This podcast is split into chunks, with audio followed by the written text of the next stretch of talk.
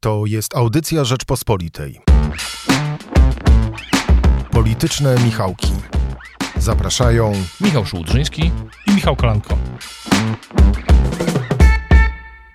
W piątek 15 grudnia zapraszam Państwa bardzo serdecznie na Polityczne Michałki. Michał Szułdrzyński, witam serdecznie i zaraz z Michałem Kolanko będziemy rozmawiali o tym wyjątkowym tygodniu. Wyjątkowym tygodniu, którego symbolem stanie się gaśnica i menora, e, albo właściwie Hanukija, czyli e, hanukowa e, lampa, którą poseł Brown zgasił w polskim Sejmie, ale to był też wyjątkowy tydzień, dlatego że mieliśmy w nim dwóch premierów. Mateusz Morawiecki nie uzyskał e, wotum zaufania. Donald Tusk e, nie dość, że zabrał się do pracy, to pojechał do Brukseli i zrobił wszystko, żeby mm, pokazać swoim wyborcom, że spełnił obietnicę o tym, że dzień po zaprzysiężeniu przywiezie do Polski KPO. W walizkach tych pieniędzy do Polski nie przywiezie, ale obietnicę płatności Komisja Europejska już wydała. Co z tego wynika? Zapraszam na polityczne Michałki. Michale, powiedz mi, Donald Tusk został premierem, e, mamy wszystkich ministrów, wszystkich wiceministrów. Coś cię zaskoczyło w tym, kto został sekretarzem albo podsekretarzem e, stanu, kto został wiceministrem albo wiceministrą, e, bo widzę, że teraz dominują w tym gabinecie feminatywy. Tak szczerze mówiąc, to niespecjalnie większość tych nazwisk już e, krążyła w, w Sejmie i poza Sejmem w Warszawie przez ostatnie dni i tygodnie. Na pewno jeden taki wniosek polityczny jest, że, że ta obsada tych ministerstw jest e, w miarę równomierna, to znaczy rzeczywiście jest, został spełniony ten plan, o którym pisaliśmy w Rzeczpospolitej, że wszystkie partie będą miały Czyli jak minister jest e, z Polski 2050, to wiceministrowie są z Platformy, Lewicy e, i na przykład z PSL-u. Jeżeli jest minister z Platformy, e, to pozostałe Generalnie- mają... Generalnie, generalnie, tak to, generalnie tak to działa. Na pewno bardzo wielu doświadczonych polityków opozycji dawnej, nowej koalicji, która nazywa się koalicją 15 października, do tego jeszcze może przejdziemy, Mhm. trafiło do, do ministerstw, tak? Na przykład Krzysztof Śmiszek, Arkadiusz Myrcha są, są wiceministrami sprawiedliwości, tam będzie dużo, już widać, że to jest jeden z kluczowych odcinków. Robert Kropiwnicki, y, wiceministrem aktywów y, państwowych, y, rzecznik PSL-u Miłosz Motyka jest wiceministrem klimatu, Jana Szoring-Wielgus, Andrzej Wyrobiec, to jest taki comeback polityczny poli- tego polityka Platformy. Andrzej Wyrobiec z Krakowa też odnotujmy. E, W, Ministerstwie mm, Kultury. Kultury. E, To jest, y, myślę, ciekawy układ polityczno-personalny, który będzie, będzie, będzie się teraz docierał w, w boju. Natomiast wydaje mi się, że najważniejszą rzeczą polityczną w tym tygodniu, bo te nazwiska i wiceministrów, i ministrów, tak jak mówiłem, zwłaszcza ministrów No, przecież, tak przeciekały powoli. przeciekały. y, Było. Najważniejsze jest to, co politycznie zrobił Donald Tusk w tym tygodniu, czyli w expose, i to jest trwała rzecz tego expose, nazwał tą koalicję koalicją 15 października, tak żeby ją scementować i też nadać, nadać jej jakiś. Y, e, No właśnie jej jakąś tożsamość, tak? Kolega redakcyjny Artur Bartkiewicz napisał w komentarzu w serwisie RPPL, że była to próba, całe to expose było próbą wzniecenia, wskrzeszenia entuzjazmu z 15 października. Zdecydowanie tak, tak. Pisaliśmy, pisaliśmy o tym wielokrotnie, ty pisałeś, ja też pisałem, że PiS miał taki plan, żeby zabrać ten e, karnawał, ten miesiąc czekania na nowy rząd, dwa tygodnie i dwie połówki, dwie, dwie połówki tego miesiąca no miały e, na celu po prostu e, zduszenie tego impetu opozycji. No i Donald Tusk 15 października przypomniał, nazwał tą koalicję właśnie koalicją 15 października. I tak jak też pisałem w Sejmie, generalnie jest poczucie, że ona jest trwała. To znaczy, że ta gigantyczna frekwencja w tym roku, e, w tych wyborach 15 października właśnie sprawia, że politycy nowej władzy, będziemy się trochę jeszcze z tym, e, no, dawnej opozycji, nowej W władzy. 8 latach jednak nastąpiła zmiana i Tak, trzeba się do tej nowej e, sytuacji przyzwyczaić. ci y, politycy będą, czują presję wyborców, tak? Żeby też takie turbulencje, o których y, pisaliśmy, wiatraki, y, żeby te sytuacje się nie powtarzały, żeby to działało w miarę sprawnie, żeby też y, nie było widać podziałów, bo wiadomo, że poglądy polityczne różnych polityków, polityczek w tej koalicji są różne. Nastawienia są różne. Generacyjnie jest to rząd bardzo wymieszany, bo ci i wiceministrowie, i ministrowie to jest mieszanka właśnie nowych, czy, czy polityków młodszego pokolenia z tymi, którzy są bardzo doświadczeni, jak sam rzeczywiście, oczywiście premier. Nasz stały współpracownik, e, profesor Marek Migalski, zwrócił uwagę w tekście e, w Rzeczpospolitej na to, jak silnie polityczny jest ten rząd. Został obsadzony silnymi, bardzo rozpoznawalnymi politykami. Z jednej strony no, stanowisko, które nie jest jakimś fundamentalnie ważne, ale jest symbolem, mam na myśli Ministerstwo Sportu, dla Sławomira Nitrasa. Ci ludzie z bliskiego otoczenia e, prezydenta Rafała Trzaskowskiego zostali ministrami albo wiceministrami. Aleksandra Gajewska została e, wiceministrem.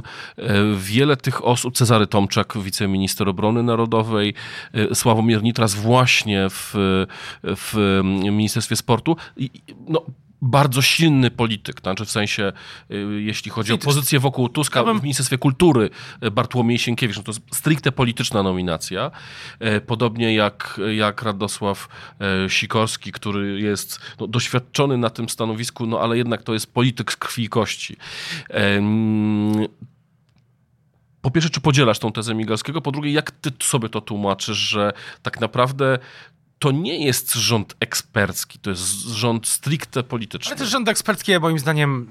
Są przereklamowane. Historia trzeciej, historia, mm, współczesna zwłaszcza historia polityczna i rządów Donalda Tuska, wcześniejszych dwóch, i też de facto rządy, yy, w rządach PiSu też moim zdaniem historie z nominacjami eksperckimi się słabo sprawdzały, tak? Ludzie bez politycznej siły jest im trudniej być ministrami, co jest dosyć, wydawałoby się oczywiste, ale e, warte odnotowania. A co do tej trójki, o której tych trzy nazwiska, które wymieniłeś, no to wydaje się, że najbliżej Rafała Trzaskowskiego jest Sławomir Nitras. Ta e, dwoje wiceministrów, o których mówiłeś, oni or orbitowali w przeszłości wokół Rafała Trzaskowskiego, ale wydaje się, że, że w ostatnich, zwłaszcza Cezary Tomczyk, który był szefem Mm, sztabu y, Aleksandra Gajska, która była zaangażowana w kampanię Rafała Trzaskowskiego w 2018 roku, ale wydaje się, że w 18 jeszcze samorządowe. Warszawy, tak. tak. Mhm. W kampus też przynajmniej w pierwszej edycji, ale wydaje się, że później te więzy się troszeczkę, tak przynajmniej obserwowano, było obserwowane w Platformie, rozluźniły, ale Nitras jest rzeczywiście e, takim sygnałem, e, że środowisko Rafała Trzaskowskiego ma swojego reprezentanta. Sam Rafał Trzaskowski wydaje się to taka dygresja, że w tym wszystkim na razie jest, w tym roku jest najbardziej w jakimś sensie poszkodowany, no bo Właśnie, a zauważyłem, y, widziałem Rafała Trzaskowskiego w dwóch miejscach, co mnie, co, co zwróciło moją uwagę. Pierwsze to y, był E, w Pałacu Prezydenckim na zaprzysiężeniu rządu Donalda Tuska. To miało miejsce we środę, zresztą 13 grudnia. Tak PiSowi w swojej złośliwości na tym zależało, żeby to było właśnie 13 grudnia.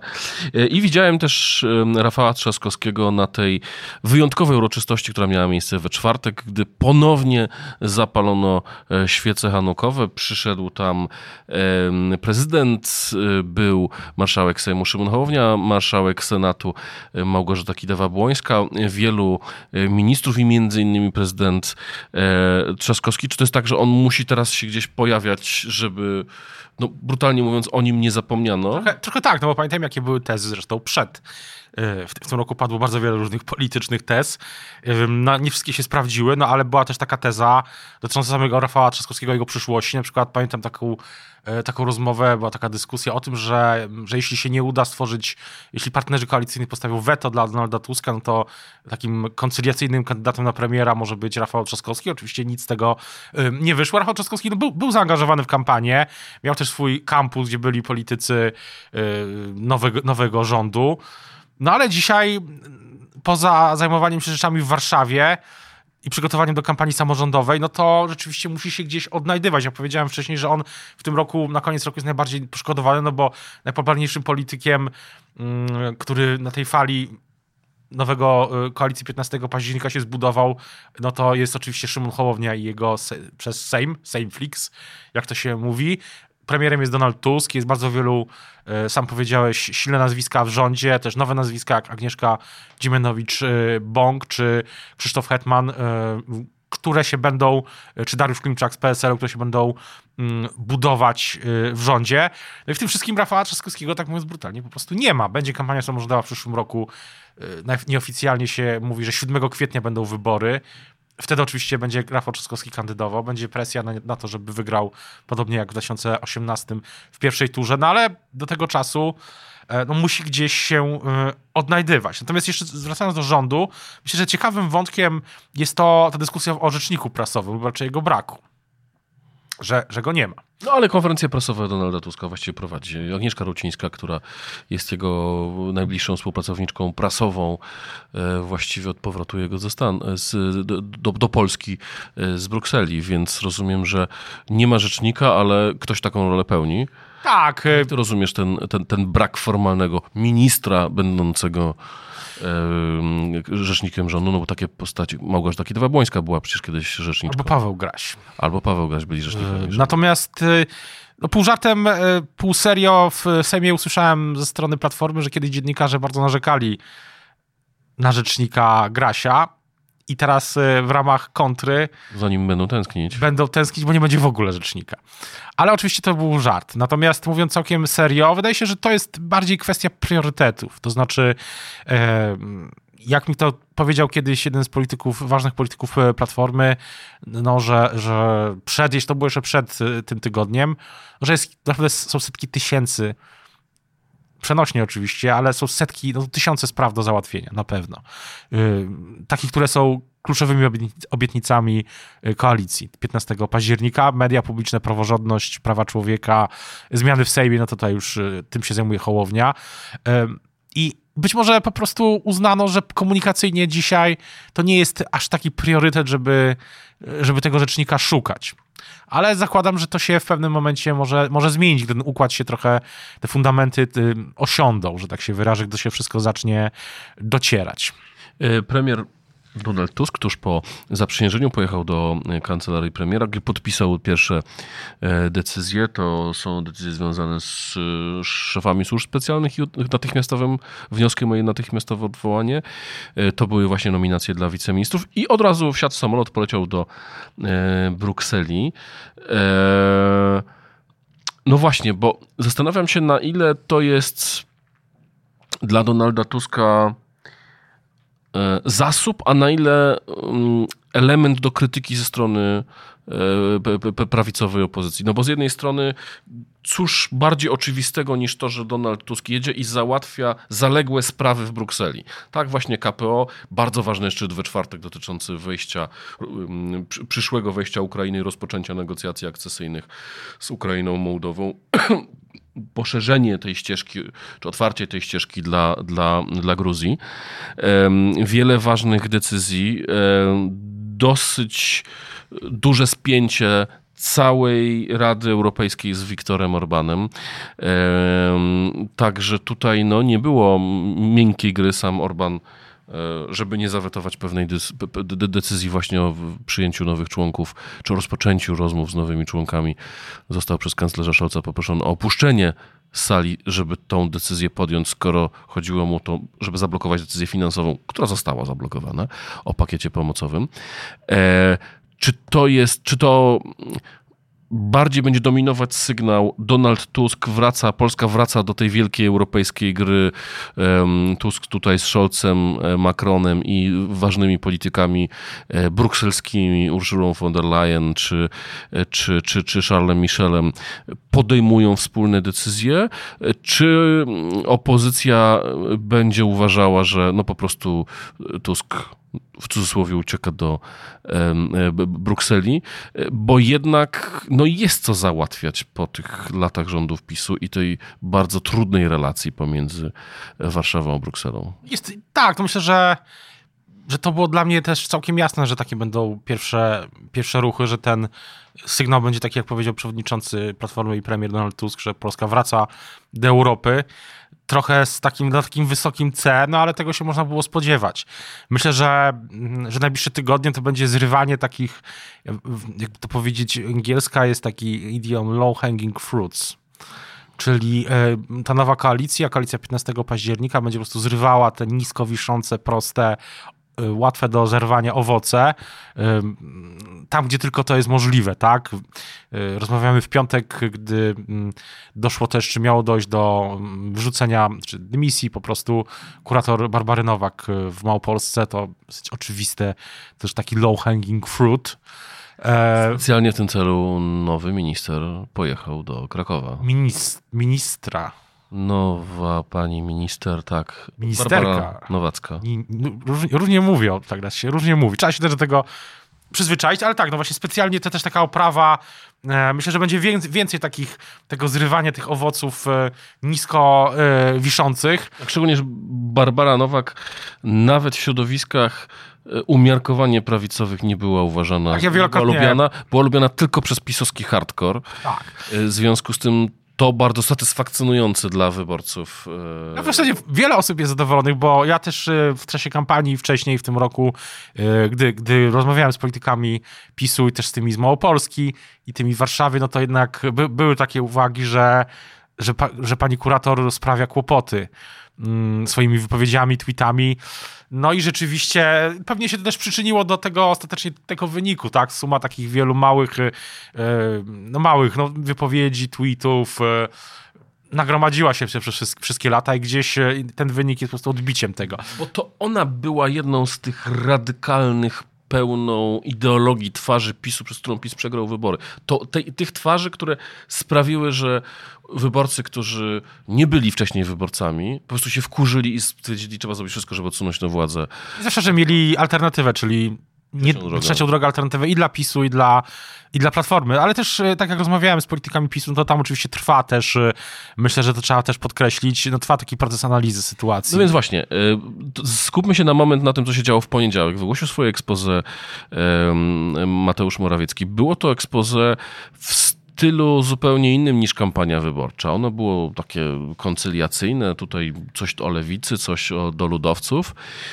Eee, kobietach. O kobietach, a w pewnym momencie na scenę na mównicę wszedł e, Jarosław Kaczyński i krzyknął do e, Donalda Tuska jest pan niemieckim agentem. E, I nawet w PiSie zapanowała konsternacja. Tak, to, ta konsternacja była widoczna na, nawet na sali wtedy. Ja byłem wtedy w Sejmie, większość czasu w tym tygodniu spędziłem właśnie w Sejmie, ale nie było też tak... I rzeczywiście PiS, no, wydaje się, że nawet w nieoficjalnych rozmowach no jest takie poczucie, że, że nie było to, delikatnie mówiąc, korzystne dla przyszłości PiSu i nie będzie to korzystne, jeśli takie rzeczy będą się powtarzać. Z drugiej strony, no prezes jest prezesem, tak, takie jest też przesłanie ze strony PiSu, no i co tu zrobić? Niełatwa sytuacja, natomiast... E, Ale zakończył się ten eksperyment. Mateusz Morawiecki robi um, przedstawienie kompletuje rząd, pisze program, wygłasza to expose, y, mówi o przyszłości y, i porównuje rządy PiSu z rządami Platformy, żeby wbić do głowy swoim wyborcom, że za rządów PiSu to jednak było lepiej. No ale wszystko krew w piach no, arytmetyka sejmowa jest jednoznaczna. Jest. Natomiast cały czas tutaj przypominam sobie słowa profesor Ewy Marciniak, z którą rozmawiałem jakiś czas temu, mm, już przy w, którymś etapie tego procesu, tego przedstawienia, jak to nazwałeś. No i profesor zwróciła uwagę, że generalnie rzecz biorąc, to wszystko też ma służyć temu, żeby wyborcy PiSu się po prostu nie rozpieszli. Rozmawialiśmy już o tym. Zwłaszcza, że przed PiSem e, dosyć trudna kampania samorządowa. W tym tygodniu w Rzeczpospolitej opublikowaliśmy pierwszy z całej serii e, badań yy, pokazujących poparcie dla hipotetycznych na razie kandydatów, bo w większości miast się jeszcze politycy nie zadeklarowali, poza Krakowem, gdzie tam najwięcej jest, najwięcej się dzieje, pokazujący, że kandydat, potencjalny kandydat PiSu we Poznaniu, tak, mieście oczywiście trudno trudnym dla mm, Prawa i Sprawiedliwości.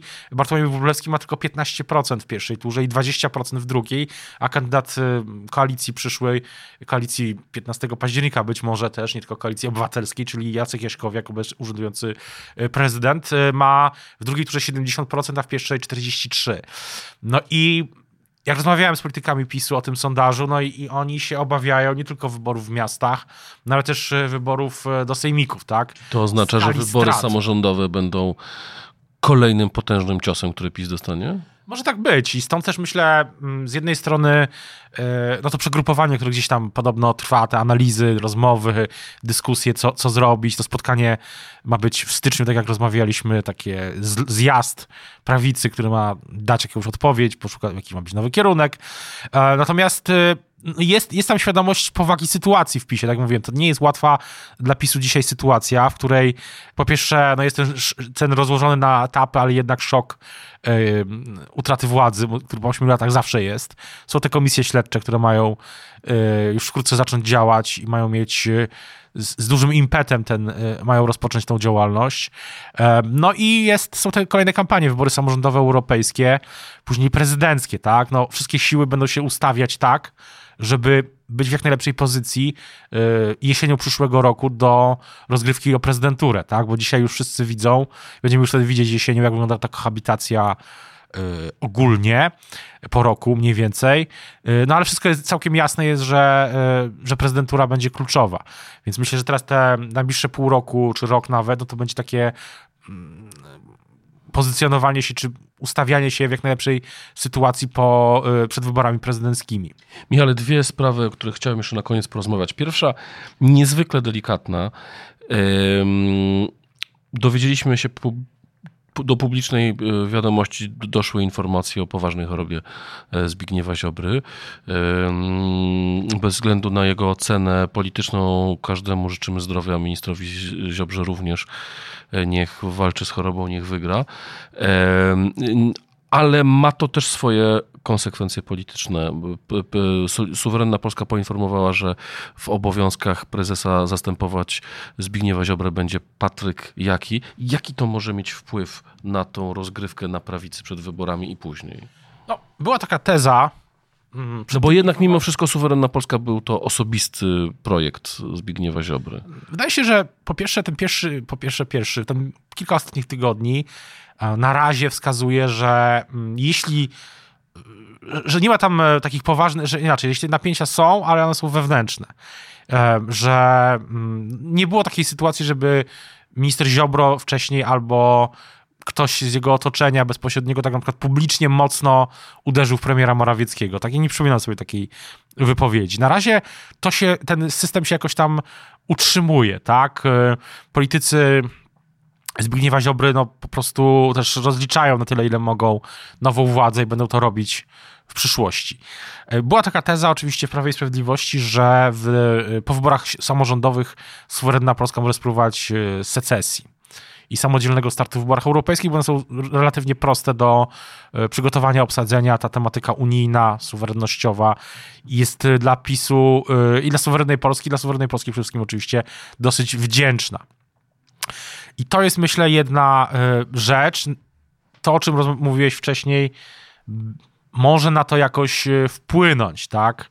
Nie wiemy jeszcze do końca, jak długo potrwa ta nieobecność, ale wydaje się, że na razie jej efektem głównym będzie to, że długoterminowe myślenie jest po prostu gdzieś tam zawieszone, tak, że może się tak zdarzyć, że po prostu jakieś polityczne ruchy, decyzje, deklaracje po prostu będą są zawieszone aż do odwołania.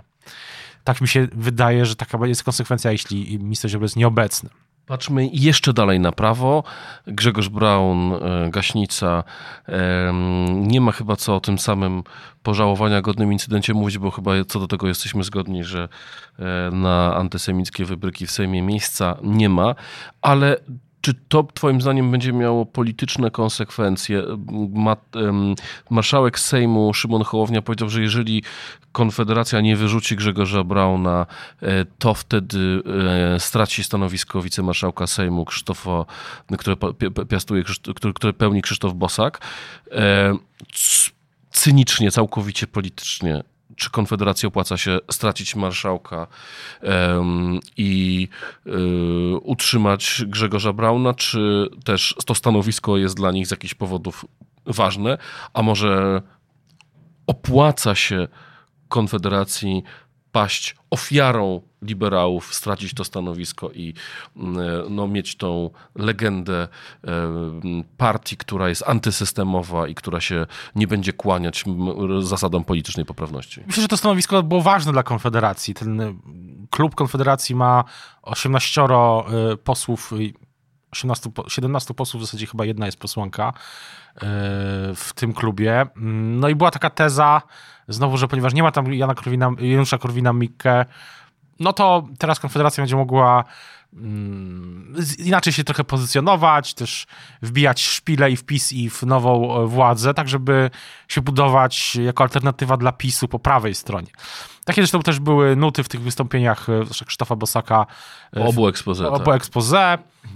No i myślę, że ten incydent i to zamieszanie wokół Grzegorza Brauna no trochę jednak te tezy unieważnia. To znaczy, to widać, że, widać, że to jest Y, czynnik, który będzie destabilizował sytuację, wizerunek przede wszystkim Konfederacji, tak, no bo jeśli y, twarzą Konfederacji de facto stał się Grzegorz Braun, a nie Krzysztof Bosak, y, czy Sławomir Mencen, czy Przemysław Wipler, no to Konfederacja ma po prostu problem.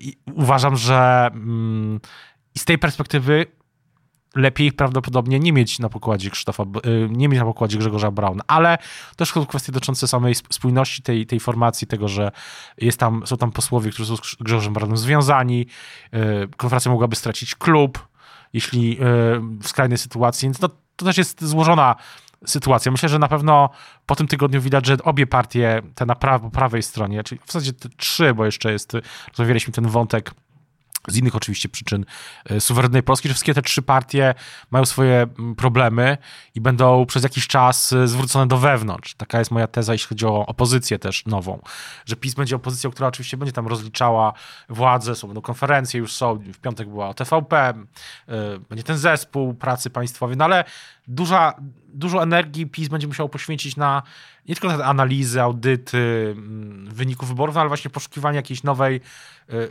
tożsamości, tak? Bo też ten kierunek, którym, którym, y, który narzuca, czy prowadzi Mateusz Morawiecki, no też nie jest taki do końca.